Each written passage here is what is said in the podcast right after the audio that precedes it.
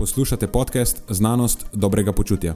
To je oddaja, v kateri odkrivamo, kako lahko znanost pomaga izboljšati vaše počutje in kako kritično razmišljanje omogoča sprejemanje dobrih odločitev na področju zdravja in fitnesa.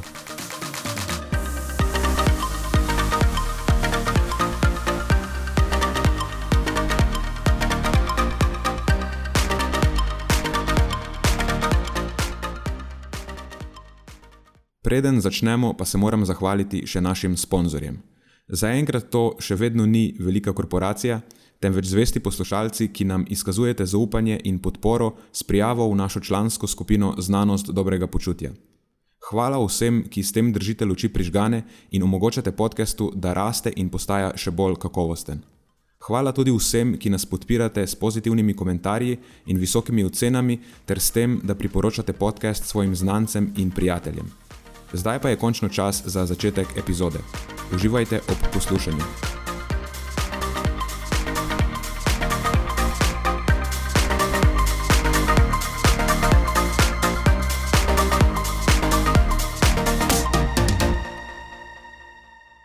V bistvu sem se odločil za to prvo opcijo, o kateri smo se pogovarjali zadnjič. Bilo je toliko opcij, da ne vem, katera je prva. Razmišljal sem, kaj bo koristno bolj v tej situaciji, v trenutni atmosferi. Okay. Gledam poročila, spremljam medije, to mi je pa jasno, da se zdaj to trenutno ozračje proba izkoriščati za nekaj. Mediji so to problematiko zagrabili in se odločili laufati s tem. Ne, govoriva o tem problemu naraščajočega nasilja, kao med mladostniki. Uh -huh. Zdaj, veš, zgodil se je American style množičen poboj na šoli. Blizu nas. Blizu nas je. Ja. In se vsi sprašujemo, a pa mediji so se odločili nekako malo tega straha posejati pri nas. In vedno, ko se ustvarja tako ozračje, kjer je strah eh, zelo prisoten, to so zelo plodna tla, da se ta strah se lahko izkoristi za različne agende. Ljudje v takem okolju zelo hitro, impulzivno reagiramo prestrašenimi ljudmi je zlahka upravljati, lažje jim je ufurati razne agende. In tudi lažje je preusmeriti pozornost iz resničnih problemov na vse drugo, za tak in drugačen namen. To, kar govoriš, me spominja na eno knjigo, ki sem jo bral pred časom. Mislim, da je bila avtor, to je že Naomi Klein, Doktrina šoka. Uh -huh. Ker se ja. jih s, s, s tem ukvarja, kako se razni razne take situacije, pa tudi COVID je bil prej ena izmed takšnih, ko, ali pa zdaj recimo to um, nasilje, ki se dogaja blizu nas, da se um, to, to družbeno klimo, predvsem ta strah, ta negotovost, uh, ki, ki so tako močne, ki se ustvarjajo v družbi, potem izkorišča, zato da se um, spodaj pod tem lahko. Ustavlja neke spremembe, do katerih bi recimo družba bila bistveno manj sprejemajoča, če, uh, če ne bi bila recimo zdaj fokusirana na druge stvari, ki, mm. jih, ki se jih dotikajo bistveno močneje. Mm. In mislim da, je, mislim, da je tudi v času COVID-a ene, bil to eden izmed očitkov, da se, da se tudi podobne stvari dogajajo, da se pod, pod krinko COVID-a ne, poskuša neke stvari, neke družbene podsisteme prilagajati. Um, v tem času, ko so ljudje fokusirani na to. Uh, in enako se, če te prav razumem, uh, kot spremljaš. Um, jaz sem bil tako na dopustu, zdaj tako da nisem toliko spremljal, vedel sem, kaj se dogaja, ampak nisem pač toliko spremljal medije, kot jih ponovadi sicer pri teh rečeh. Um, da, da se tudi tukaj to dogaja, praviš. Mm -hmm. Potreba po varnosti je temeljna človeška potreba. In ko se ljudje počutijo v nevarnosti, pa se počutimo, smo pripravljeni požreti marsikaj. V tej situaciji se mi resno zdi, da ne smemo, ne smemo pozabiti razmišljati kritično. Preden reagiramo kakorkoli impulzivno, pa pridemo do nekih zaključkov prehitro, da se tako vprašamo, kaj točno se dogaja. V bistvu moraš še bolj aktivno, ker strah na koncu je. Definitivno je eno tako zelo surovo čustvo in smo bolj nagnjeni, da re reagiramo impulzivno. Zdaj, mi dva, ko smo določala, o čem bi se v tej epizodi pogovarjala, so bila oba tako, ne vem, če se želiva o tem pogovarjati, definitivno nočeva, da izpade to, kot da zdaj izrabljava to za veš, karkoli. Da izrabljajo to za, v neke populistične namene, ali pa da hočejo biti senza, senzacionalistična, v bistvu glih, glih nasprotno. Se mi pa zdi, da bi bilo koristno prispevati, pa v luči vsega tega uspodbujati, da v redu je sicer, da nas stvari skrbijo, celo morajo nas skrbeti na nek način, samo da jim jih probati konstruktivno reševati in ne prihaja do preuranjenih zaključkov, da jim ne čustveno reagirati zdaj v tej situaciji. Treba se vprašati, kaj se zares dogaja in kaj je najbolj konstruktiven način, da se, da se neki problemi rešujejo. No, v glavnem, mi dva teh problemov definitivno ne moremo rešiti. Je pa mene v bistvu sprožila ena izjava, mislim, da je bil srpski ministr za šolstvo, ki je to povedal, oziroma pripisal je nasilna dejanja vedno pogostejšemu igranju nasilnih videoiger. Uhum, tega se vas spomnim. Ja. Mislim pa, da o tem lahko poveva nekaj. O tem obstajajo dobri znanstveni dokazi in mislim, da jih lahko uhum. interpretiramo na ustrezen način, poveva, kaj dejansko literatura pravi o tem. A so nasilne videoigre nek dejavnik pri tem? Spomnim se, spomnim se tega. Ja. Um, ko sem spremljal malo bolj oddaleč, to mi je ostalo v spominu, kako tako, jaz zajemam to kot kompleksen problem. Ne. Definitivno kot zelo, kompleks, kot zelo kompleksen problem.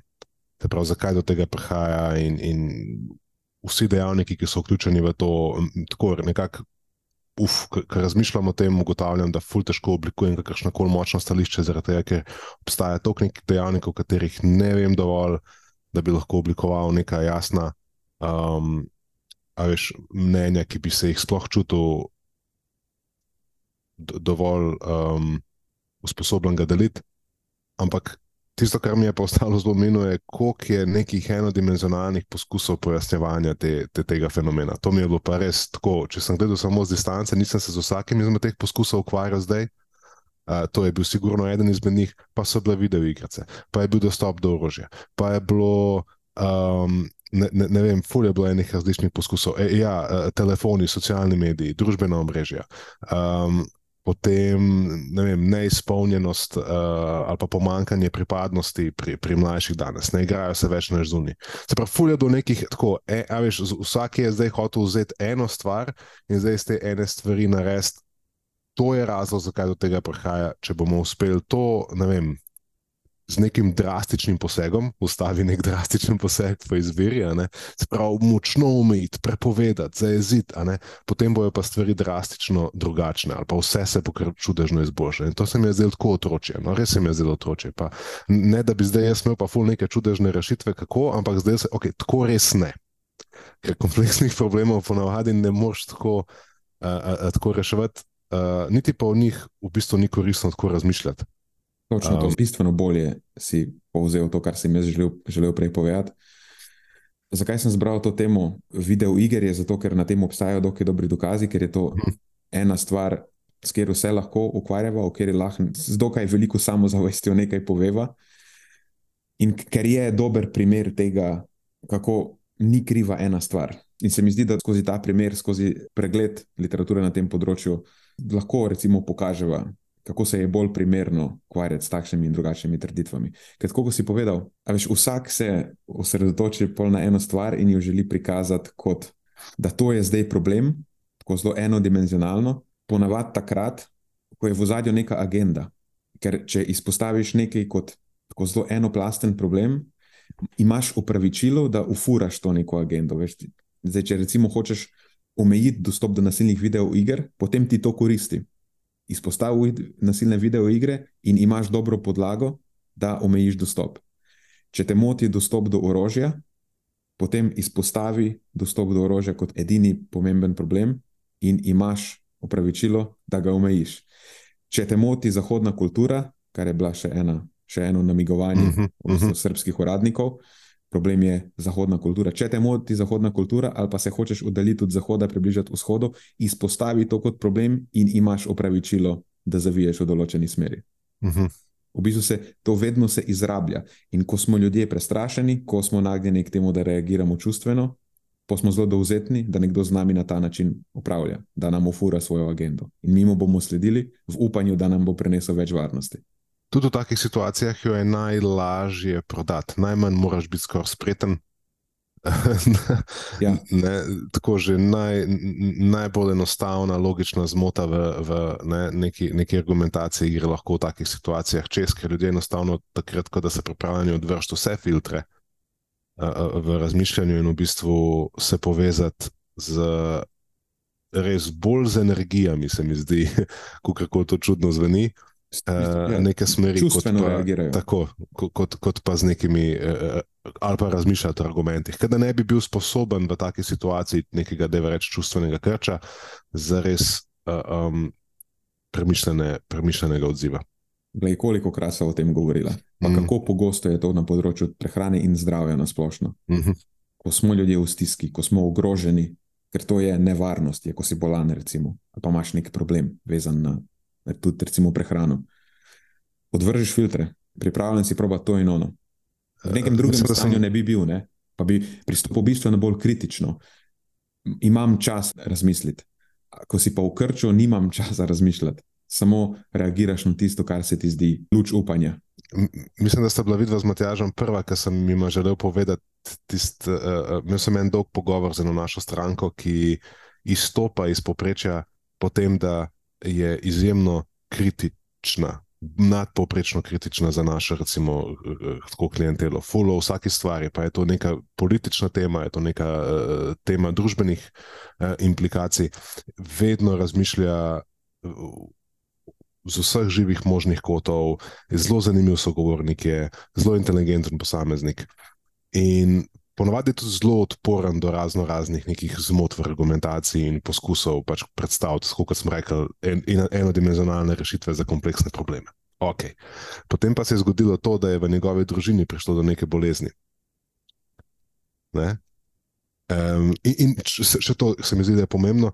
Um, zakaj je prišel k nam na prehransko svetovanje in vadbo? Glik zato, ker je v, na, na, v teh vrednotah se je z nami povezal. Ne, ne, ne predstavljate nekih uh, napol šamanskih rešitev za, za, za hujšanje ali pa za ne, uh, izboljšanje počutja. Vse, kar počnete, mi je, zelo, mi, mi je tako zelo. Uh, Pije vodo, ni ekstremistično, zl, tako zelo, z- končno razumem, kako se teh stvari lotiti, tako da ne, mi je jasno. No?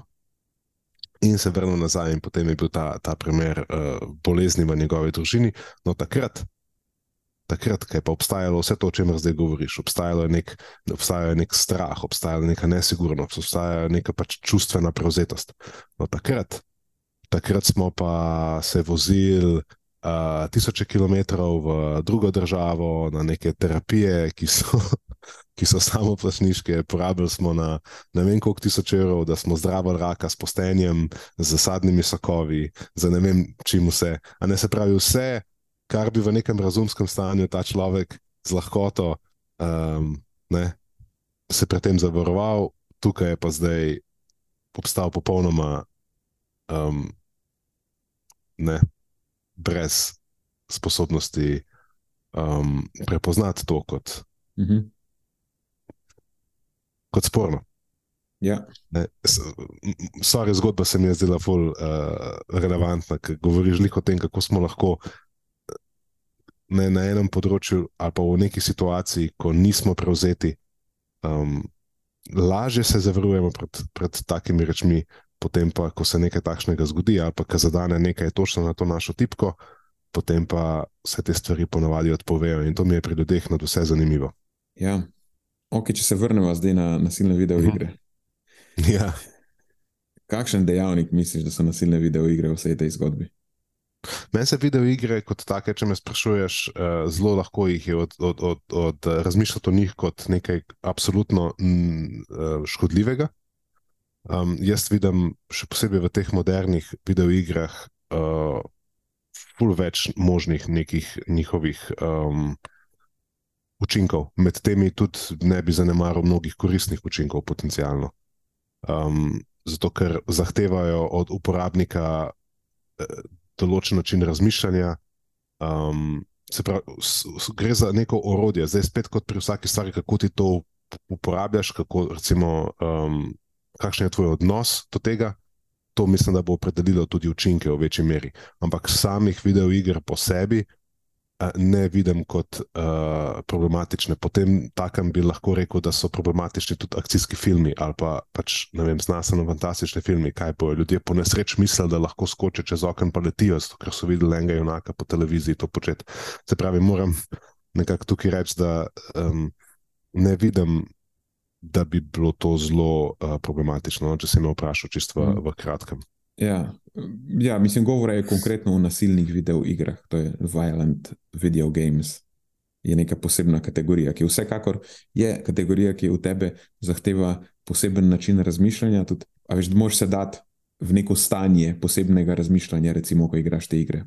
Ampak na tej točki je zelo pomembna distinkcija. Ne gre nasilje, agresija je, zahtevajo od tebe agresivno kognicijo. Nasilje in agresija sta dva zelo različna pojma, pa lahko o tem. Uh mhm. -huh. Eh, kasneje več povem. No, v glavnem, najbolj relevantna bova, če se referirava na ameriško združenje psihologov in njihovo stališče, na njihovo izjavo o nasilnih videoigrah. A veš, v ZDA je to že dolgo aktualno vprašanje. Pri njih, zaradi teh pogostih in različnih množičnih pobojev, streljnim orožjem ali pa brez njega. In pri njih se učinki nasilnih videoiger raziskujejo že več kot 20 let. In tudi ta ameriška zveza psihologov, že od leta 2005, eh, vzdržuje in nadgrajuje to neko svojo resolucijo in izjavo o nasilnih videoigrah, glih s tem namenom, to oni izpostavijo, da bi na podlagi najboljših in najbolj aktualnih dokazov informirali o vplivu oziroma povezavi nasilnih videoiger z dejanskimi nasilnimi dejanji. In imajo eno divizijo 46 ameriškega združenja psihologov, ki je divizija za medijsko psihologijo in tehnologijo, in oni tudi vzdržujejo izjavo o nasilnih videoigrah in nasilju. In meni je bilo na začetku zanimivo, kot ko čist v začetku omenijo ta problem, da mediji, politiki, odločevalci in uradniki, razne organizacije, razni komentar, komentatorji pogosto trdijo ali namigujejo, da igranje nasilnih videoiger vzročno prispeva k nasilnemu vedenju. Namiguje se, da povzročitelji nasilnih dejanj naj bi v nasilnih videoigrah našli ena povod ali pa neko motivacijo za nasilje, in dva, tudi nek trening za nasilna dejanja. Potem pa takoj opozorijo, da so te trditve izjemno problematične, ker ena, nimajo znanstvene podlage, in dva, odvračajo pozornost od dejansko pomembnih dejavnikov, točno to, o čemer so se pogovarjali.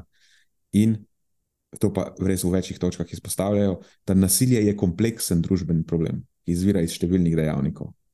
In tako nasilne videoigre niso verjetno noben faktor pri tem. Kar se tiče pa recimo samih dokazov, ne? imaš področje kriminologije, ki se ukvarja specifično z množičnimi poboji in analizo teh takih kriminalnih dejanj. In tako že pred desetimi leti je to področje kolektivno nekako zaključilo, da veš, izključili so to vprašanje nasilnih videoiger iz nabora pomembnih dejavnikov. Imáš celo par kosov literature, kjer se povezavo med nasilnimi videoigrami in množičnimi boji celo eksplicitno označuje kot mit. Da, to je recimo, kar se tiče področja kriminologije, tako če bi hotel na hitro povzeti. Je pa res, da literatura v tako malo bolj širše, če jo pogledava, da tukaj je pa stvar dost kompleksna. Prej sem omenil distinkcijo med besedama nasilno in agresivno. Zdaj, tako je povezava med rabo nasilnih videoiger in agresivnim vedenjem ali pa agresivno nastavitvijo je v bistvu je ena najbolj raziskanih in najbolj dosledno potrjenih. Raba nasilnih videoiger je povezana s povišanjem agresivnega vedenja, agresivnega razpoloženja, agresivnega razmišljanja in pa z znižanjem prosocialnega vedenja, empatije in moralne angažiranosti. Moralna angažiranost je neka posameznikova zavezanost k pozitivnim družbenim interakcijam in skrbi za druge. Ne, vidiš, kaj se dogaja.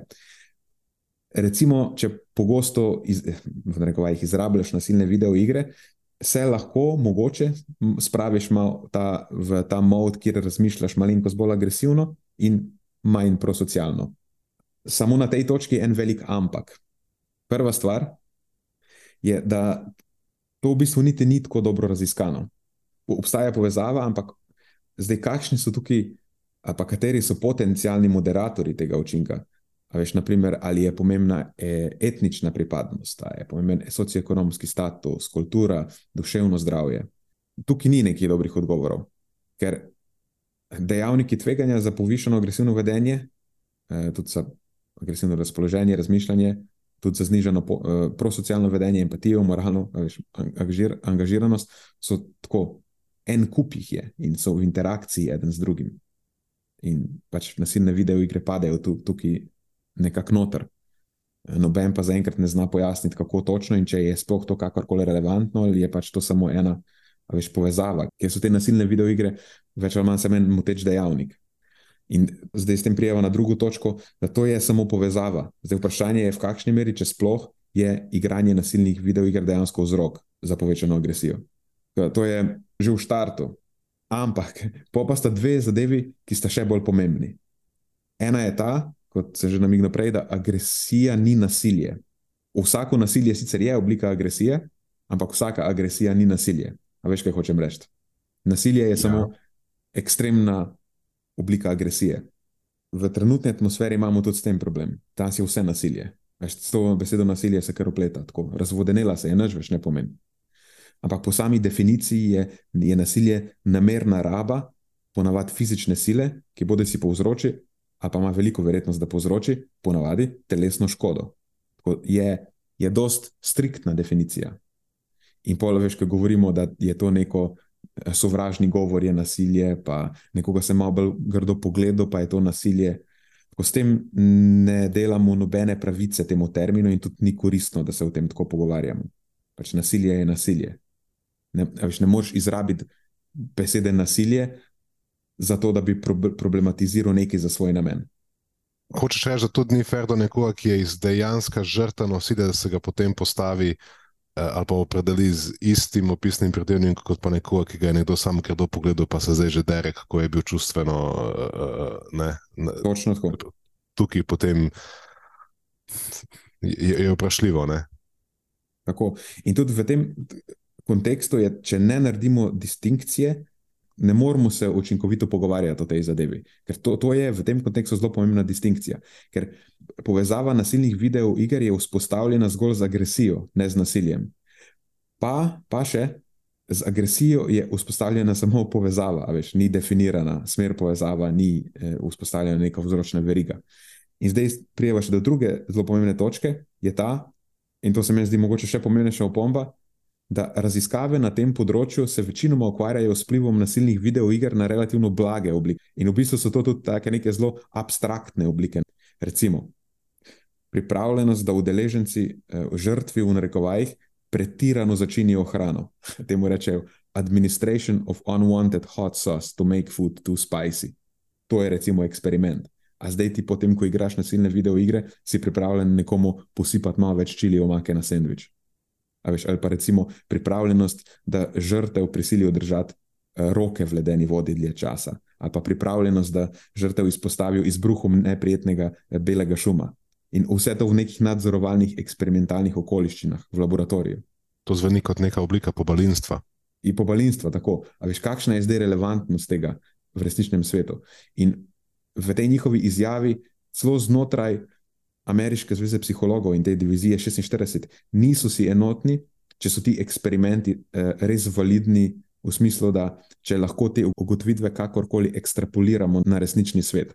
Veš, če lahko kakorkoli pokažejo to v narekovajih pravo povezavo med nasilnimi videoigrami in dejansko agresijo, dejansko agresijo, samo agresijo v resničnem svetu.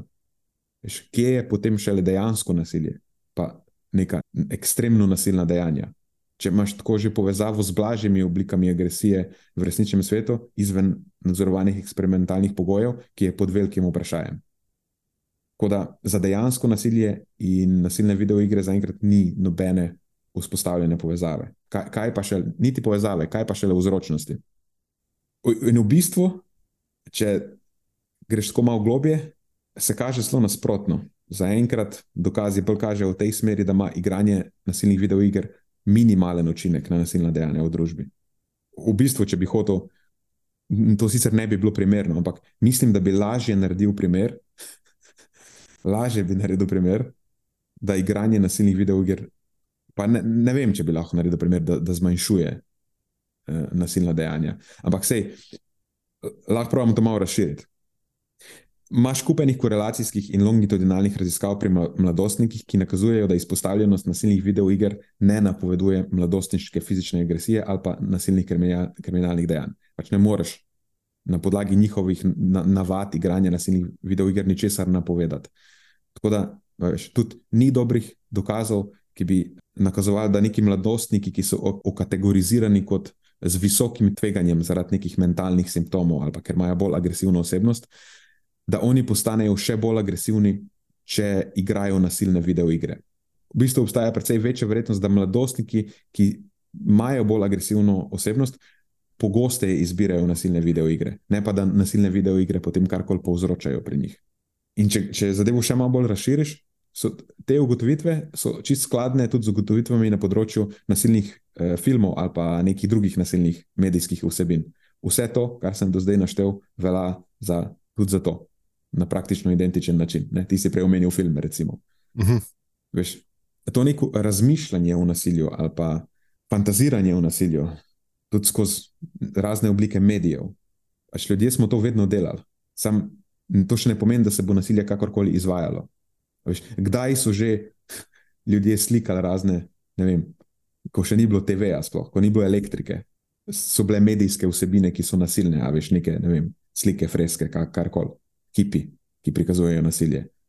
Nasilje je od, od zmeraj prisotno v, v življenju človeka, je to nek, nek resen problem in normalno je, da se ljudje pač ukvarjamo s tem na nek način, da je to nekaj, kar nam je zanimivo. Sam to še ne pomeni, da ga bomo dejansko udejanjali že ta dihotomija nasilja mi je zanimiva. Recimo, kako je lahko nasilje ne vedno samo negativno. Se pravi, v nekih, v, v nekih kontekstih smo za nasilje pripravljeni face plačati, da, da ga lahko gledamo, da se v njem zabavamo. Se pravi, če je kontekstualno postavljeno v neko okolje, ga lahko celo namenoma spodbujamo. Recimo, pomisli na neko obliko vrhunskega športa, se to je dosti krat pač orkestrirano nasilje, ki ga. Agresija. Agresija. No, okay. Ampak v bistvu, ne, sej imaš prav. Imaš prav. Drugače, Prosim, da sem prekinil, ampak me je, eh, zdelo se mi je zanimivo, ker je to ena stvar, ki jo tudi na koncu v priporočilih omenja ta izjava Ameriškega združenja psihologov. Da te je potrebno se je zavedati, da določene oblike nasid, agresije, oni sicer pravijo agresije, niso sankcionirane v družbi, da so celo mhm. spodbujene, kot recimo športna agresija, oni temu rečejo, pa tekmovalnost, ali pa debatiranje o nekih vnetljivih temah, je izpostavljanje Eh, nek boj med dvema različnima svetovnima nazoroma. Vse to, kar je zelo prevalentno v družbi, kar je celo pomembno za, za raz, nek razvoj družbe. Je tako, kot se reče, je dihotomija. Agresija ni vedno slaba, samo usmerjena mora biti prav. Bi rekel, da je kontekst zelo, zelo, zelo važen in to, kar govoriš, ne, se pravi, kako, kako dojemamo uh, agresijo v nekem imaginarnem svetu, uh, Um, pač ljudje smo, dosti krat imamo kakšne fantazije o, o najbolj grotesnih stvarih, včasih pa, smo, pa, pa, pa je pač ogrom, ogromna vrzel do, do tega, da dejansko te stvari tudi realiziramo. In zakaj prihaja do teh realizacij, kako ima to veze z nekimi genetskimi predispozicijami, kako ima to veze z nekimi okoljskimi. Uh, uh, situacijami, kateri, ne, ki pa vplivajo na to, da nekdo nekaj naredi ali pa ne naredi. Se pravi, tukaj hočem reči, da je ogromno nekih stvari, ki uh, se morajo izpolniti, poklopiti, da prihaja potem do takih uh, nekih zelo spornih uh, vedenj. Tako da rej pokazati samo s prstom, aha, ne igranje. Video igre ali pa gledanje nasilnih filmov ali pa udesovanje v nasilnih športih, bo to potem povzročilo, da bo tak posameznik tudi v, v, v resničnem življenju tak. To je nekako podobno, kot pričakovati, da nekdo, ki pač, ne vem, je, je boksar v svojem športu, da pač hodi okoli po, po, po vsak dan od ponedeljka do petka pa toče folk po, po, po cesti, ja, veš, zato ker pač on boksa. Se pravi, veš, te stvari se ne, ne prenašajo tako, uspemo te stvari ponovadi dobro zajeziti. Dočim doskrat je celo nasprotno, ne? Doskrat je to, to tako, ne, celo nasprotno, da pač je tam omejeno in potem v, v, v drugem, ne, da, da je v reč delu življenja, nimamo te potrebe te stvari potem izvajati. Ker izbruhi nasilja, dejanskega nasilja v resničnem svetu, so ponavadi izvirajo iz neke frustracije, iz neke zelo globoke frustracije, ko se ti odločiš, da zdaj boš pa. Ne moreš drugo metodo ničesar doseči. Še enkrat sem ti rekel, da nasilje je zlati standard. Tudi, uh -huh. smo mi živimo v najbolj kulturni družbi na svetu. Ampak vedno na koncu vse pride do nasilja, ko je nekdo frustriran na tabo. Veš, recimo, da v neki urejeni družbi je potrebno plačati davke. Kaj se zgodi, če ne plačaš davkov? Dobiš kazen. Kaj se zgodi, če ne plačaš kazni? Prišla bo policija. Kaj se zgodi, če ne boš hotel iti s policijo? Hoteli te bodo vale odpeljati v zapor. Ne? Kaj se zgodi, če ne boš hotel iti z njimi? pač prisilno te bodo odvedli. Kaj se bo zgodilo, če se boš odločil upirati? Pretepli te bodo. Moje, moje, moje vprašanje za vse, ki jih recimo, ki, ki, ki nekako fantazirajo o svetu, kjer ni v bistvu nobene možnosti uh, za, za nasilje, uh, agresijo, uh, da, da, da se recimo to želi popolnoma izkoreniniti in bomo vsi živeli v nekem kumbaja, uh, paralelnem svetu. Um, je, je to moje vprašanje. Se pravi, jaz, jaz bi se zelo bal živeti v takem svetu, ker v bistvu veš, ne, obstaja noben, ne, ne obstaja potencial za, za, za, to, da si, za to, da lahko um, utrpiš neke take resne posledice. Mislim, da je uh, Mike Tyson, avtor enega smešnega citata, ki je rekel, da bi um, ljudje bistveno bolj odgovorno pristopali k komentiranju uh, nekih družbeno-političnih uh, um, dogodkov na uh, socialnih medijih, če bi obstajala resna možnost, da bi bili za svoje besede, uh, da bi dobili za svoje besede, to get punched in their face. Ne, to, to sem, a veš, kaj hočem povedati. Se pravi, mm. zelo lahko je početi stvari, sicer, o katerih bi sicer dvakrat premislil, če se zavedaš, če, če tako nimaš, tako, kaj je najhujša stvar, ki se lahko zgodi. Noč. Ja. Se pravi, lahko si pravoščem početi karkoli, in najslabša posledica, ki bo, bom, ne vem, ničesar se nimam zabati. Tako da strah ne pravim, da je da, da, da je fajn živeti v, v, v okolju. Se ni strah, samo ne? zavedanje o tem, da imajo ampak dejanja za, lahko tako, posledice. In, in to je pa. Ja, in miru ne prinaša šibkost, ampak mir prinaša moč. Dva latinska pregovora obstajata. Eden je ta, da če hočeš mir, se pripravi na vojno. Če si ti pripravljen vojne, ne rabiš izvajati vojne. Sam, če obstaja možnost za vojno, je večja verjetnost, da boš imel mir. Drugi pa, če hočeš mir, poskrbi za pravico. Na nek način, ne, če hočeš mir, se, se moraš izogniti temu, da na eni ali pa drugi strani obstaja neka frustracija ali pa dojemanje, da gre za nepravico. In spoh ta drugi ukrep se mi zdi v tej trenutni situaciji zelo, zelo relevanten. Veš, da imam, da imam dokaj oblikovano mnenje o tem, zakaj, zakaj so ti izbruhi nasilja vse pogostejši v današnjem svetu in, in zakaj, spoh recimo med mlajšimi moškimi. Ne? Ampak mogoče, če nam ostane čas, lahko o tem na koncu več povem. Eno stvar bi rad še povedal o nasilnih videoigrah. Imamo tudi zelo specifične dokaze, ki se dotikajo masovnih pobojev in tudi ni pokazane povezave z rabo nasilnih videoiger. Tajna služba ZDA je v sodelovanju z Ministrstvom za izobraževanje leta 2002 opravila analizo množičnih pobojev. In ta analiza je pokazala, da ti school shooterji, kaj so to, šolski streljci po šolah, pač ti, ki pridejo v šolo in se odločijo streljati ljudi. Okay.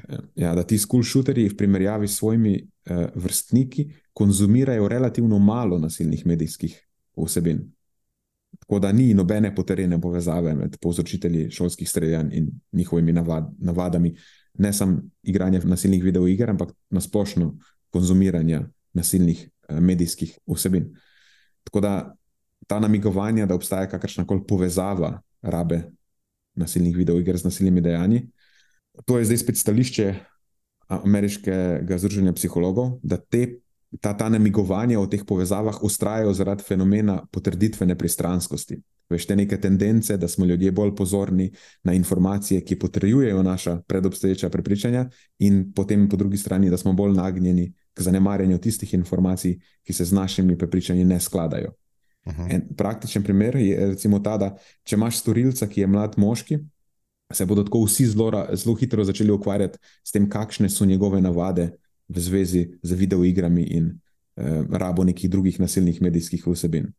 Ker to je neko predobstoječe prepričanje, da mlajši moški se ful udejstvujejo v teh. V, v rabi nasilnih medijskih vsebin, in da so zaradi tega nasilni. To je pač nekaj, kar je tako obča modrost. Kljub temu, da ne velja. A pa, a pa vsaj ne velja to, da je to nek pomemben faktor pri nasilnem vedenju, ki se potem udejanja v resničnem svetu, ali pa ki ga oni udejanjajo v resničnem svetu. Po, po drugi strani, recimo, če pa imaš nekega starejšega občana ali pa manj redko neko žensko, ki zakrivi eh, nasilno dejanje, až, tukaj pol nasilne videoigre, ker naenkrat več niso. Niso neki, se, s, s čimer se bomo ukvarjali. Noben se ne bo vprašal, ali je ta starejši gospod, veš, mogoče pa igral preveč nasilnih videoiger. Tako nekako ne gre nam skupaj. To, to je pač razlog, ko smo pozorni ali pa izpostavljamo samo tiste primere, ki se skladajo z našimi predobstoječimi prepričanji, pač tistim, kar bi mi želeli verjeti. Ne, recimo, da je ta izpostavljenost nasilnim vsebinam univerzalna med nasilneži, a pa da je celo odgovorna za nasilje, in pol po drugi strani zanemarjamo vse tiste primere, ki se s temi našimi predobstoječimi prepričanji ne skladajo, recimo razne primere nasilnežev, uh, ki so drugačni, certificirani psihopati, ali mentalni bolniki, ali pa da so pripadniki neke marginalizirane skupine, da so posamezniki odrinjeni na rob družbe, posamezniki brez neke dobre perspektive. Pač to ni popularno.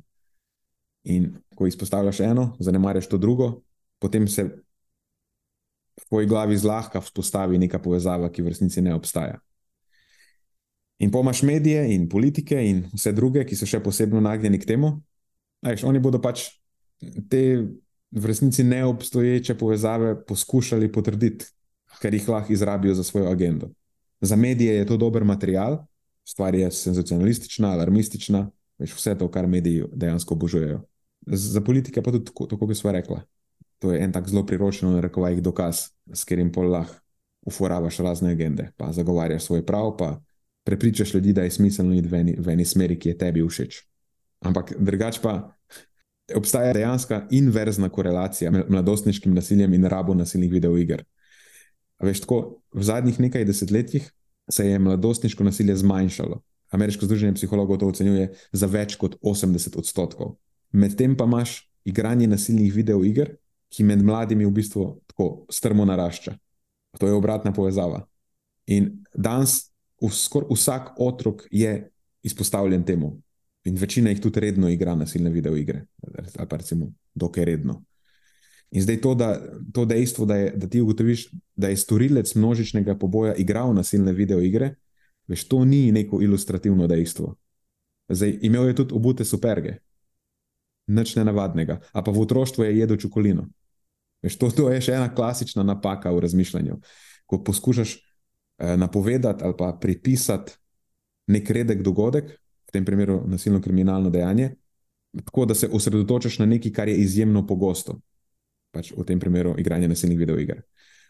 Ampak lahko bi tudi, kot pravim, bil to čokolino v otroštvu. Ja, tako da na, igranje nasilnih videoiger je pogosto in ni, res ni ilustrativno za nič. V bistvu. Raziskovalni pregledi teh najbolj raz, razupitih šolskih streljanj Ker na, ej, veš, na začetku je vedno tako. Na začetku se storilce vedno, vedno povezuje z igranjem nasilnih videoiger. Tako, tako je skoraj po pravilu. Ampak zanimivo je, da se pol dejansko pogosto ugotovi, da so bili ti storilci dokaj nezainteresirani za nasilne videoigre. Uh mhm. -huh. Máš dva primera, on, eh, ta ameriško združenje psihologov izpostavlja. Eh, to eno je bilo masovno streljanje na kampusu Virginia Tech 2017, eh, kjer v bistvu pri storilcu niso zaznali nobene omembe vredne izpostavljenosti nasilnim videoigram. In, in drug primer, ki je mogoče še bolj uh, poveden, pa uh, lahko slikovit v tem primeru, je to množično streljanje v osnovni šoli Sandy Hook leta 2012, kjer je ta storilec na mesto nasilnih videoiger preferiral nenasilne videoigre. In uh, večinoma naj bi igral plesne videoigre, ne, neke priče so, opisali, so ga opisali kot navdušenca nad igro Dance Revolution. Zdaj, in če to zmotno logiko preneseš, bi lahko potem sklepal tudi, da ne vem, kaj ples ali pa plesne videoigre povzročajo, ali pa so vsaj povezane z, na, z, na, z množičnimi poboji. Mislim, ne boš zato, ker to ni pristranskost, ki jo imaš za potrditi. Ja, v bistvu pravno nasprotno. Ja, Ne, prej boš bil sposoben to zignorirati, zaradi tega, ker ti nekako ne paše v, v, v, v, tvoj, uh, uh, v tvoje dojemanje resnice. Ja. Tako da čist na koncu, mislim, da mislim, pripeljala, ne vem, kaj lahko o tem najbrž ne morejo več več dospovedati. Lahko pa zaključiva z tem zadnjim delom m, zaključkov in priporočil odbora 46 za medijsko psihologijo in tehnologijo ameriškega združenja psihologov. In v zvezi s to tematiko oni pravijo, to je prva točka, da javne osebnosti, uradniki, odločevalci in mediji ne bi smeli eksplicitno ali implicitno namigovati, da so kriminalna dejanja kakorkoli povezana z nasilnimi medijskimi vsebinami, bodi si videoigrami, filmi ali čemerkoli drugim. In dajo celo konkretne primere nekih neprimernih um, trditev, recimo v narekovajih, bilo je kot v videoigri. Mislim, da sem celo zaznal to v, v naših medijih. Spom, nisem siguren, ampak se mi zdi, da se je to, kar se je zdaj zgodilo v Srbiji, opisovalo kot hodijo okoli in jih je strelo kot v videoigri. Aha. In pol, recimo, še en primer je, kar, to je bilo recimo implicitno. In pol imaš recimo nek še ekspliciten primer, veš, storilec je v prostem času igral nasilne videoigre. Tako da to je, kar se tiče prve točke. Pol imaš drugo točko, Znanstvene in izobraževalne organizacije bi morale na vprašanja o povezavi nasilnih videoiger z nasiljem ali kriminalnimi dejanji eksplicitno odgovoriti, da raziskave na tem področju še potekajo in da ni dobro vzpostavljenih povezav niti med nasilnimi videoigrami in agresivnimi dejanji v družbi, kaj šele med nasilnimi videoigrami in nasilnimi dejanji. Uh mhm. -huh. In po je tretja točka, da potrebno se je zavedati, tukaj so tri podalineje. Prva je, da se nasilje navezuje na relativno ozek nabor vedenj, katerih namen je povzročiti resno fizično poškodbo, medtem ko je agresija precej širša kategorija vedenj, ki vključuje tudi mnoga blaga vedenja, ki niso predmet družbenih sankcij ali so celo uspodbujena. Naprimer, športno agresivnost, tekmovalnost, vneto debatiranje o raznih nasprotujočih si svetovnih nazorih in tako dalje. Po je druga alineja, da je potrebno ločiti med tipi abstraktne agresije, naprimer nadlegovanje udeležencev v laboratorijskem settingu s pekočo omako, ledeno vodo ali neprijetnimi zvoki, in med tipi fizične agresije in nasilja, ki se dogaja v družbi v kontekstu resničnega sveta. In po je tretja alineja, da odkritje, da je storilec nasilnega dejanja igral nasilne videoigre, ni nič posebnega, saj je igranje nasilnih videoiger v današnji družbi, še posebno med mladostniki, izjemno pogosto. Takšna odkritja bi se morala obravnavati kot nepomembna in jih ni primerno izpostavljati, še manj pa namigovati, da kakorkoli pojasnjujejo nasilno dejanje. In poči zadnje je četrta točka. Uradniki, odločevalci in mediji bi koristno prispevali k reševanju problematike nasilja, če bi se na mesto na nerelevantna dejstva, kot so igranje nasilnih videoiger, raje osredotočali na izpostavljanje potrjenih dejavnikov, ki prispevajo k nasilju v družbi, kot so revščina, mentalno zdravje in socioekonomske razlike. Osredotočanje na nasilne videoigre ali druge oblike nasilnih medijskih vsebin je škodljivo, saj odvrača pozornost od resničnih razlogov za povečano nasilje v družbi. In to je konc. Mislim, da so dokaj dobro povzeli in da lahko to podpišemo. Predvsej nedvoumno, predvsej ja. neposredno. Zanimivo je tudi tisto, kar si me vprašal, moje, moje stališče v uvodoma. Predvsej očitno dobro usklajeno z, z, z dokazi, da, da ni da je to prenapihnjen problem. Ja. Um, ampak se, se pa še enkrat več potrjuje, ne, kako je lahko na eni strani teže dokazov na nekem področju, ali pa konkretna stališča organiz vodilnih organizacij na nekem strokovnem področju, kako so lahko v popolnem nasprotju z nekimi prevladujočimi prepričanji družbe, ki obstajajo v družbi. In to se, to je zdaj že, ne vem, skoraj večkrat se mi zdi, da je tako, kot pa nasprotno. Ja. Lahko, da, lahko da je to samo moj zamegljen pogled, ampak vprašaj me vem, na področju, ki ga mi dva poznava bolje, področje vadbe, področje prehrane, ali pa recimo na nekem takem področju. Um, pa bomo prišli do tega, da je, da, da je pogostost ne, okupacije naše z nekimi zmotami, in ti si rekel, da so tudi oni opredelili to kot mit, um, večje kot pa je želja po, po, po spoznavanju resnice Ja. Zdaj, na, na tej točki, mogoče preden zaključiva, ker sem nekako namiknil na to že prej.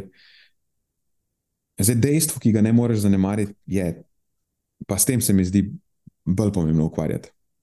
Mislim, da tukaj bomo prej našli rešitev, če bomo v tej smeri razmišljali. Mogoče se to komu bo zdaj v backwards pristop, ampak, ampak če sam, če se vprašaš, kdo večino teh nasilnih dejanj povzroči, mlajši moški, a je tako. A misliš, da je to nek vzorec, s katerim se je smiselno ukvarjati? Vem, na kaj ciljaš, ker se o tem pogovarjava že večkrat, ampak ja, ne, če izhajava iz tega, da so mlajši moški tisti, za katere se kaže, da v tej družbi, v tem našem okolju, nekako res zgubljajo neko svoje mesto, ali pa ne najdejo, pogosto ne najdejo nekega, ali pa jim je težko najti nek smisel ali pa neko družbeno potrditev, da, da potem mogoče je to neka povezava, zakaj prihaja do takih oblik um, reakcij. Ja, je na to, to je, nekaj, na kar se misli. Ja, se, to, to je nekaj, o čemer se, sploh v zadnjem času, pa se o tem, se o tem več pogovarjala. Da, uh mhm. -huh. Zdaj, tuk, na tej točki bo to začelo prehajati v mnenje, ampak ok, v redu je, lahko še malo filozofije ufurava noter. Zdi se, res se zdi, da v sodobni družbi imamo resen problem. In ta problem je, da je vedno večji delež eh, rečemo, aktualne generacije fantov ali pa ne, mlajših moških, tam starih des, od 10 do kaj bi rekel, dobrih 30-40 let, da je marginaliziran. Da je v osnovi je problem, da imajo fanti vse pogosteje občutek, da zgubljajo neko relevantno vlogo, da se na njih več ne računa, skoraj da so odveč, da niso del rešitve, uh, bolj pogosto so, da so del problema, veš, razlog za problem. Nek. In tako, če bi tebe vprašal, ali pa mene, kaj je najhujše, mislim, najhujše, ena izmed najhujših stvari, ki se ti kot moškemu lahko zgodi, je, da se počutiš neuporaben, da noben ne računa na te, za nič pomembnega. Nobenega smisla ni v tvojem obstoju. Ja, če, če bi me vprašal, me, bi, bi jaz rekel, da to je definitivno eden izmed največjih strahov, ki, ki jih jaz imam. Da bi bil neuporaben, nerelevanten. Veš, da bi bil celo del nekega problema, ne, ne kot nekdo, ki lahko prispeva k neki rešitvi. Meni bi se zdelo to najhujše, če bi se počutil, da sem problem, da prispevam k problemu, namesto da bi ga reševal. In tudi, če pogledamo eh, trende na področju čustvenega ali duševnega stanja pri moških, mislim, katastrofa. Zmanjšuje se vključenost moških v delovno silo, sploh mlajših moških.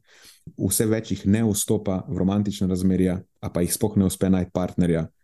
Eh, vedno več je tudi samomorov med mlajšimi moškimi, Eh, poslabšuje se njihov akademski uspeh. Sam veš, to ne, nekako pometa se pod preprogo. Jaz verjamem, da bo marsikdo prvič zdaj slišal to. In zgleda, res zgleda, da veš, ta, vse večje neke duševne ali pa socioekonomske stiske moških niso nekaj, kar bi bilo vredno kakorkoli reševati. Bolj je nasprotno, zdaj je popularno, da na ta ogen še malo prilivamo gorivo. Veš. Maš, mlajši moški je, so zelo popularni, dežurni krivec vsak družbeni problem, ki ti lahko pade na pamet, vse, kar lahko problematiziraš, komod pripišeš, pripišeš vsaj delno moškim. A veš, a veš tako, hashtag toksična maskulinost. Uh mhm. -huh. In za probleme fantov ali pa mlajših moških ni dan skoraj nobenega posluha. Je pa super popularno izpostavljati, kako oni povzročajo probleme in na katerih področjih vse so problematični in kje vse ne dosegajo zadovoljujočih standardov. In pa se sprašujemo, zakaj fanti danes vse pogosteje underachivajo, zakaj so problematični, eh, zakaj, in, in, in pol na koncu, zakaj se vsake tok enemu, uh, v narekovaj, high risk mladincu pač sam utrga. In zdaj na tej točki pač velika opomba, bog ne dej, bog ne dej, da bi mi kdo polagal besede v usta, ker to ni, ni kakršno koli upravičevanje tega, kar se, kar se dogaja, niti fucking slučajno. To je samo statement of fact. Ker, kot že omenjeno, nasilje je večplasten problem, ampak to, da se problematične fante potem še dodatno marginalizira, verjetno ne bo prava rešitev. Ta, ta problem potrebuje specifično rešitev, tako fantom in moškim prilagojeno rešitev. Sam, ki tega marsikdo ni pripravljen slišati, um, še manj pa ukreniti karkoli v zvezi s tem. A pa se nam pač kot družbi kolektivno s tem enostavno ne, ne zdi vredno ukvarjati pač to trenutno ni nekaj, kar ti lahko prenese kakšne plus točke, v smislu neke politične, populistične, finančne koristi. Je, je glih obratno.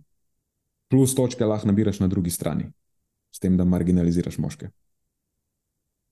Jaz lahko v, pogovor, v, v odgovor ponudim samo eno tako mogoče zanimivost, me zanima, kaj ti misliš o tem. Meni se včasih zdi, da kakorkoli je to kompleksen problem, pa v tem primeru vidim, da včasih je lahko že precej na vidizu vsaj enostavno, čeprav je težko doskati izvedljivo, ampak enostavna rešitev tista, ki lahko prepreči neke ekstremne, um, ekstremne ravnanja. Recimo, če, lahko, je, lahko je fant ne ve, kaj početi v življenju, zgubljen, nihče ne računa na njega, dela v neki službi, ne vem, varnostnik, receptorje, pač nima več neke zdaj. Um, Ideje o tem, bi on, kako bi on prispeval k čemorkoli. V osnovi nihče ne računa na bistveno, ampak pazi, lahko je popolnoma marginaliziran v, v, v splošnem, ampak ima pa v, v, tej, v, v neki drugi hierarhiji v svojem življenju, recimo, je pa lahko najboljši igralec v svoji rekreacijski ekipi košarke, na katero hodi vsak petek.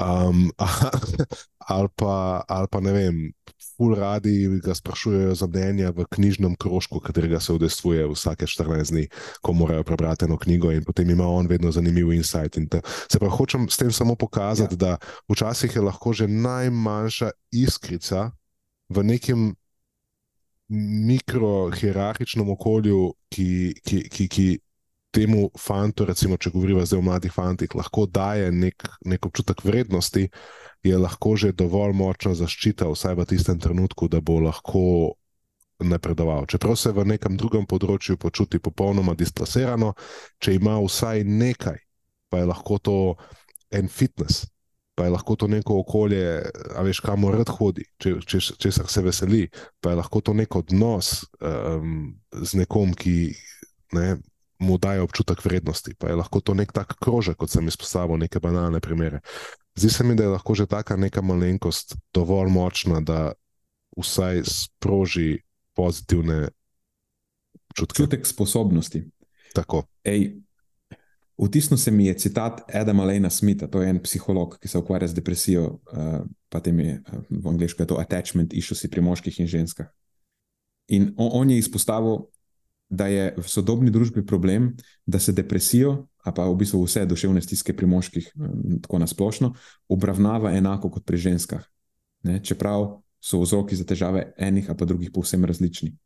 In da moški enostavno ne pridejo do učinkovite pomoči, ker to je zdaj njegov citat, se jih sili, da se počutijo ljubljeni in sprejeti, medtem ko je vse, česar si moški v resnici želi, da bi se počutil sposoben, vreden, koristen in uporaben.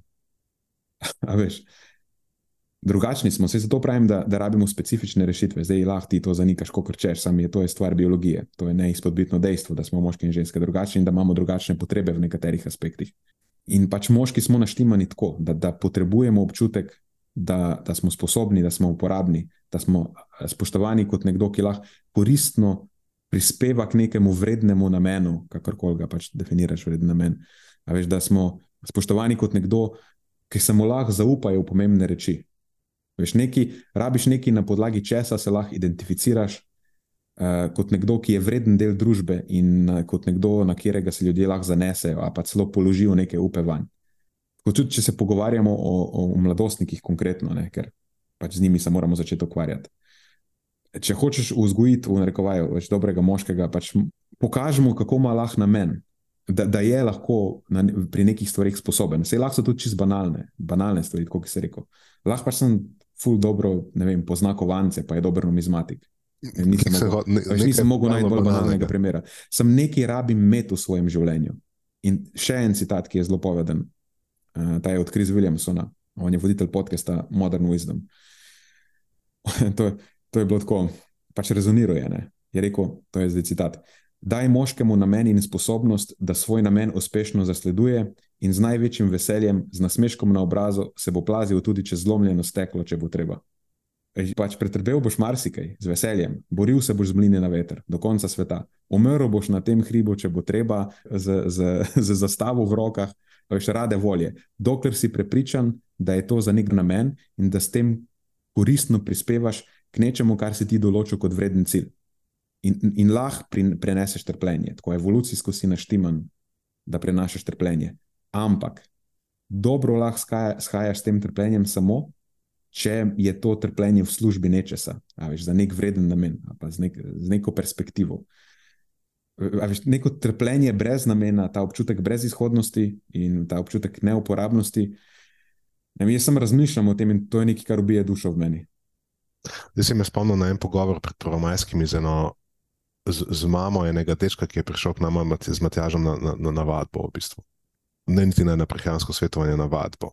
In uh, sem sedel s to gospo in je povedala za svojega sina, um, niti še polnoleten ni, uh, je pa v teh letih, o katerih zdaj govoriš, da nekako si najbolj, najbolj se začneš zavedati svoje vloge v, v, v, ne, v tej družbi, v svetu, v širšem. In um, je rekla, da je utrpel kupico nekih razvojnih deformacij, uh, zamaknjanje, podhranjanje, e, e, res je pač tarča lahko za posmeh, veš, kakšni so lahko mladostniki in mladostnice. Ja.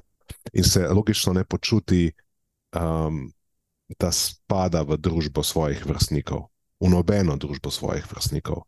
Um, seveda ne more niti dobro brati, ne more niti dobro slišati, ne more niti se udesovati v športu, ne more se, a veš, vse posodrabi neko posebno, uh, posebno spremstvo, posebno obravnavo.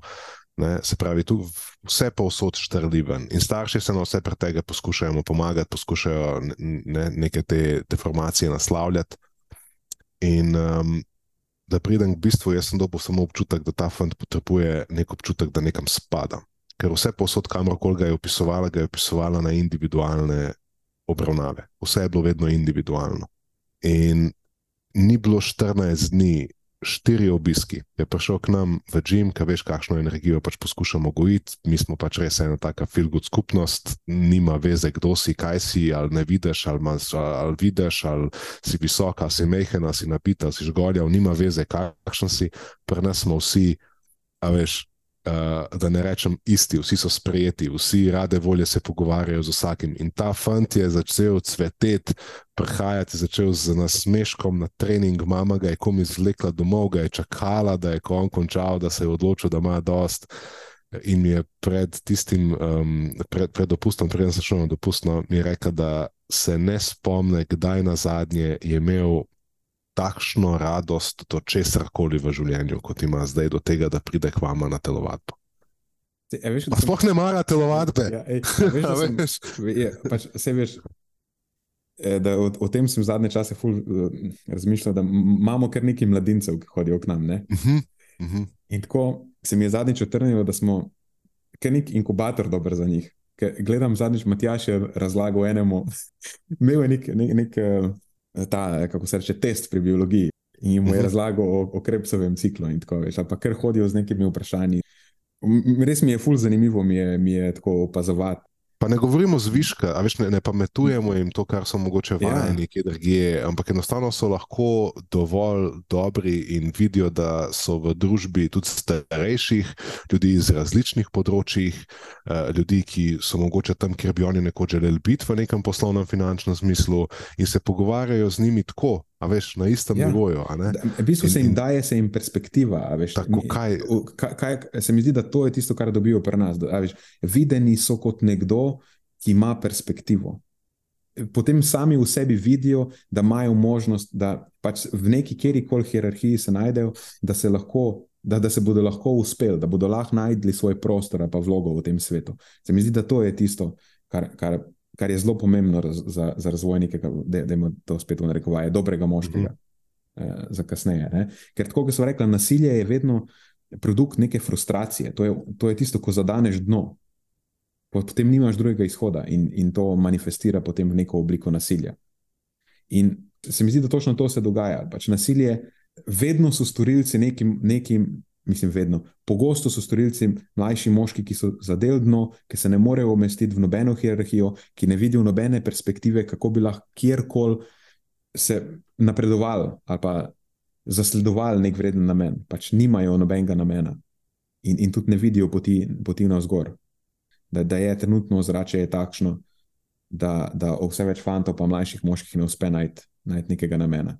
Ne, morejo se videti kot nekdo, na kjer se računa, pač nimajo perspektive bi bilo smiselno malo več no, pozornosti v, v to smer nameniti. Ker zaenkrat nič ne kaže, da se bo to, to stanje izboljšalo, ker je pač ozračje vse manj in manj naklonjeno iskanju rešitev za, za, za probleme moških.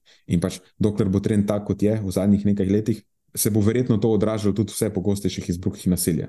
Nasilja, ki ga bodo v, v veliki večini najbrž povzročili marginalizirani mlajši moški. Ne, ne tisti, ki igrajo nasilne videoigrice, pa ki hodijo z fotorom ob vikendih streljati, ampak oni, ki so marginalizirani. Pa lahko hodijo streljati ali pa ne. Če ne hodijo streljati, pa njihov fotor nima orožja doma, bodo pa vzeli nož, a pa njegov avto. Tudi avto ima vsak doma. Pa je tudi potencijalno smrtno ja. orožje. Pogosto se celo izkaže. Ali, ali pa kladivo. Ne? In to bodo tisti moški, ki so zadeli, zadeli dno, pa ne vidijo nobene poti navzgor. Sploh pa mlajši, ki so impulzivni, pa nagnjeni k tveganjem, se zato so mlajši ponavadi. Ko si starejši, pože nekako svoje muke, muke utopiš v, na, na drugačne načine, ne? ampak mlajši so bolj impulzivni in nagnjeni k tveganjem. Pa... Mislim, da če že izhajaš samo iz tega dejstva, da že, že razvitost prefrontalnega korteksa, ne, ja, dela, mož, dela možganov, ki nekako je odgovoren za uh, usklajevanje tveganj in, in razumskega razmišljanja, niti ni tukaj še v celoti razvit, tako da lahko ja. pričakuješ, da bo imel težavo oceniti posledice um, svojih dejanj. Ej, in, to, in to ni no, niti, niti neka nova stvar, jaz se zdaj spomnim. Se ta, to je neka zadeva, tudi, ki se mi je tako utrnila že iz onega mojega prejšnjega življenja, ko sem še študiral v mraboslovju. En zelo pomemben dejavnik za nestabilnost v družbi. A veš, kaj so? Mlajši moški. Ko če ti hočeš stabilno, pa varno državo, moraš poskrbeti za velik delež mlajški, mlajših moških, ker drugače boš imel probleme. Imel boš državljanske vojne, nerede. Včasih so jih dalo vojsko, ne pa so dali. Včasih so jih dalo vojsko. Sej, mislim, se, se ni, ni to, to, to k mimu ta trditev. Ampak nekaj moraš z njimi narediti, nekam jih moraš umestiti, ker drugače ti bodo povzročali probleme. Moraš jim dati vse v končni fazi veščine in mož da, da znajo rešiti svoje probleme. To, veš, ni to neko jamranje. Pač, ok, imate probleme, v redu je. Ampak da jim vsaj neke veščine, kako jih bodo rešili, ker nimajo jih trenutno. Veš, trenutno se to je del problema. Zdaj ti lahko imaš, ne, ti lahko imaš, ti lahko vidiš, da nimaš perspektive. Sam če imaš veščine, s katerimi lahko najdeš svojo perspektivo. Da se tako vprašaš, okay, kaj so moje težave, lahko, kako lahko iščem svoj prostor, da nisi frustriran. Se, to je že dovolj. Ne rabite vi meni reševati problemov. Samo dajte mi urodja, s katerimi lahko svoje probleme rešim, da ne rabim biti odvisen od drugih, ker to bo ubilo dušo v meni. Pa, pa že to, da se ne počutiš kot totalen loser, da samo dvigneš roko in, in, in, in prosiš za urodje ali usmeritev. Že to je nekaj, kar se morda kot moški že v osnovi, pač, veš, Bojimo se v kakršni koli situaciji dvigati roko in prositi za pomoč, ker vsakeč, ko to počnemo, tvegamo, da bo nekdo rekel, da, mislim, da nam bo nekdo rekel, da smo, ja. um, če smem reči, ne, pičke, kako koli.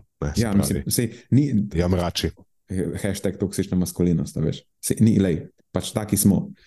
Mi dva, kokrat se o tem pogovarjava.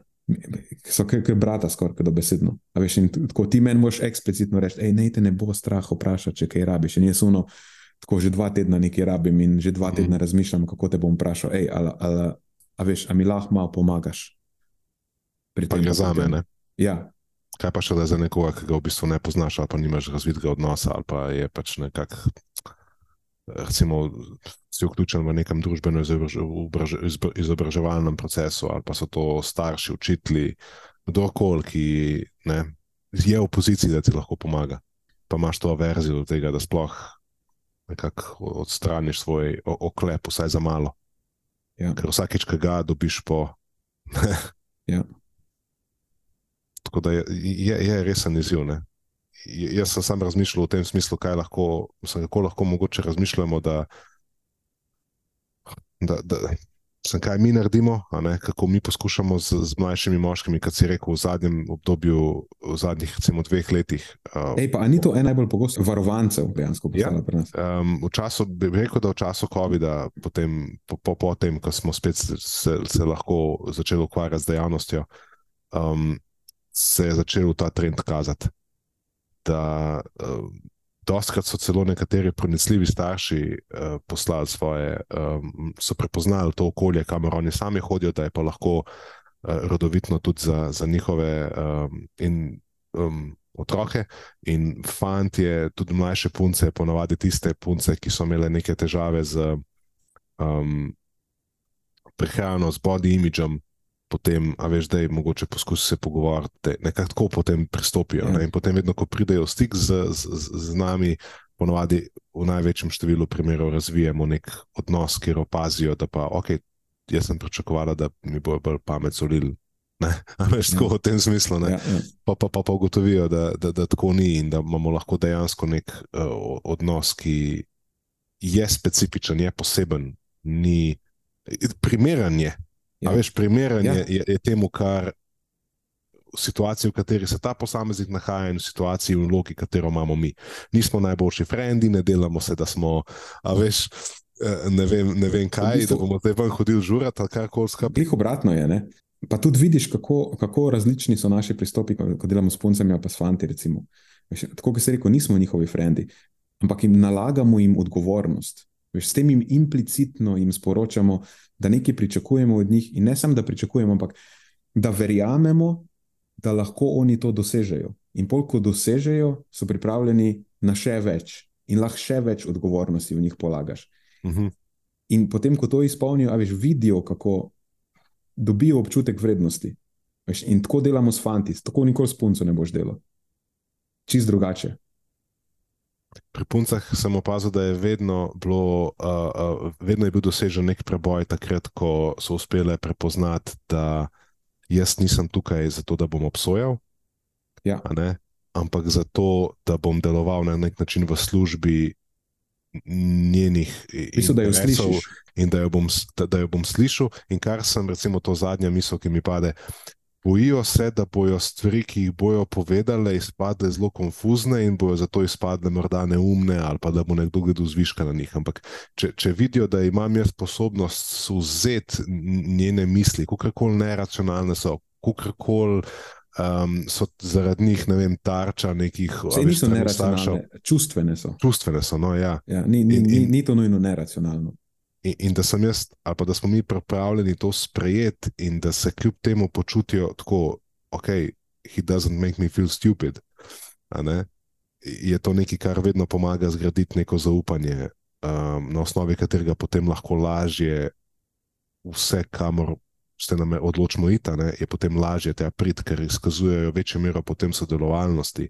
In zanimivo, da je pa vera sodelovalnosti pri puncah, samo moje opažanje, ponovadi potem, ko pride do nje celo močnejša, čvrstejša kot pa, kot pa pri moških. Ja, fanti je po- pogosto pol grejo Ja, v svoje smeri. ja. Ampak, ampak ja, sej važno je, da se nekaj pričakuje od njih. Ne?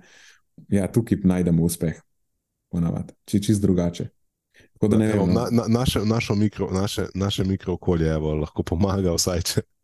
Če, če se tru- trudimo, mislim, zavedamo se vsi tega problema in zavedamo se, kje smo bili mi, ko smo bili mlajši. Veš, kakšna je tvoja zgodba, ko si bil v teh najbolj kačljivih letih. Ve, veš, kakšna je bila moja. Ne? Tudi Matjaž je.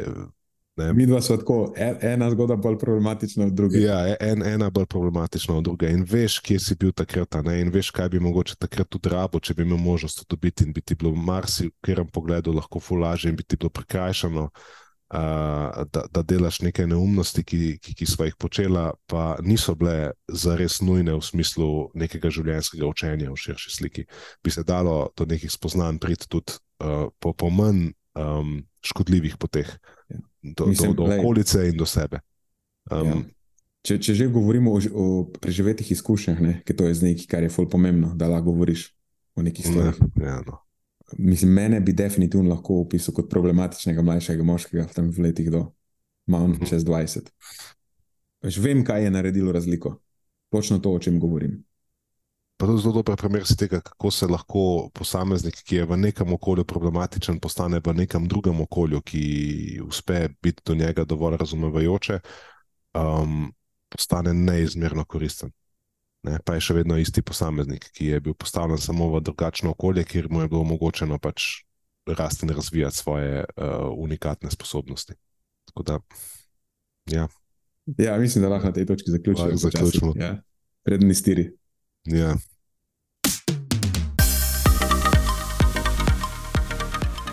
To je za tokrat vse iz naše strani. Hvala, ker ste poslušali do konca. Delite epizodo s svojimi znanci in prijatelji in jo priporočajte dalje, saj s tem omogočite, da sporočilo znanost dobrega počutja doseže čim večjo množico. Hvala vsem, ki nas podpirate s članarino in tudi vsem ostalim, ki delite podcast dalje in nam izkazujete naklonjenost z visokimi ocenami in pozitivnimi komentarji. Se slišimo prihodnjič, do takrat pa ostanite premišljeni.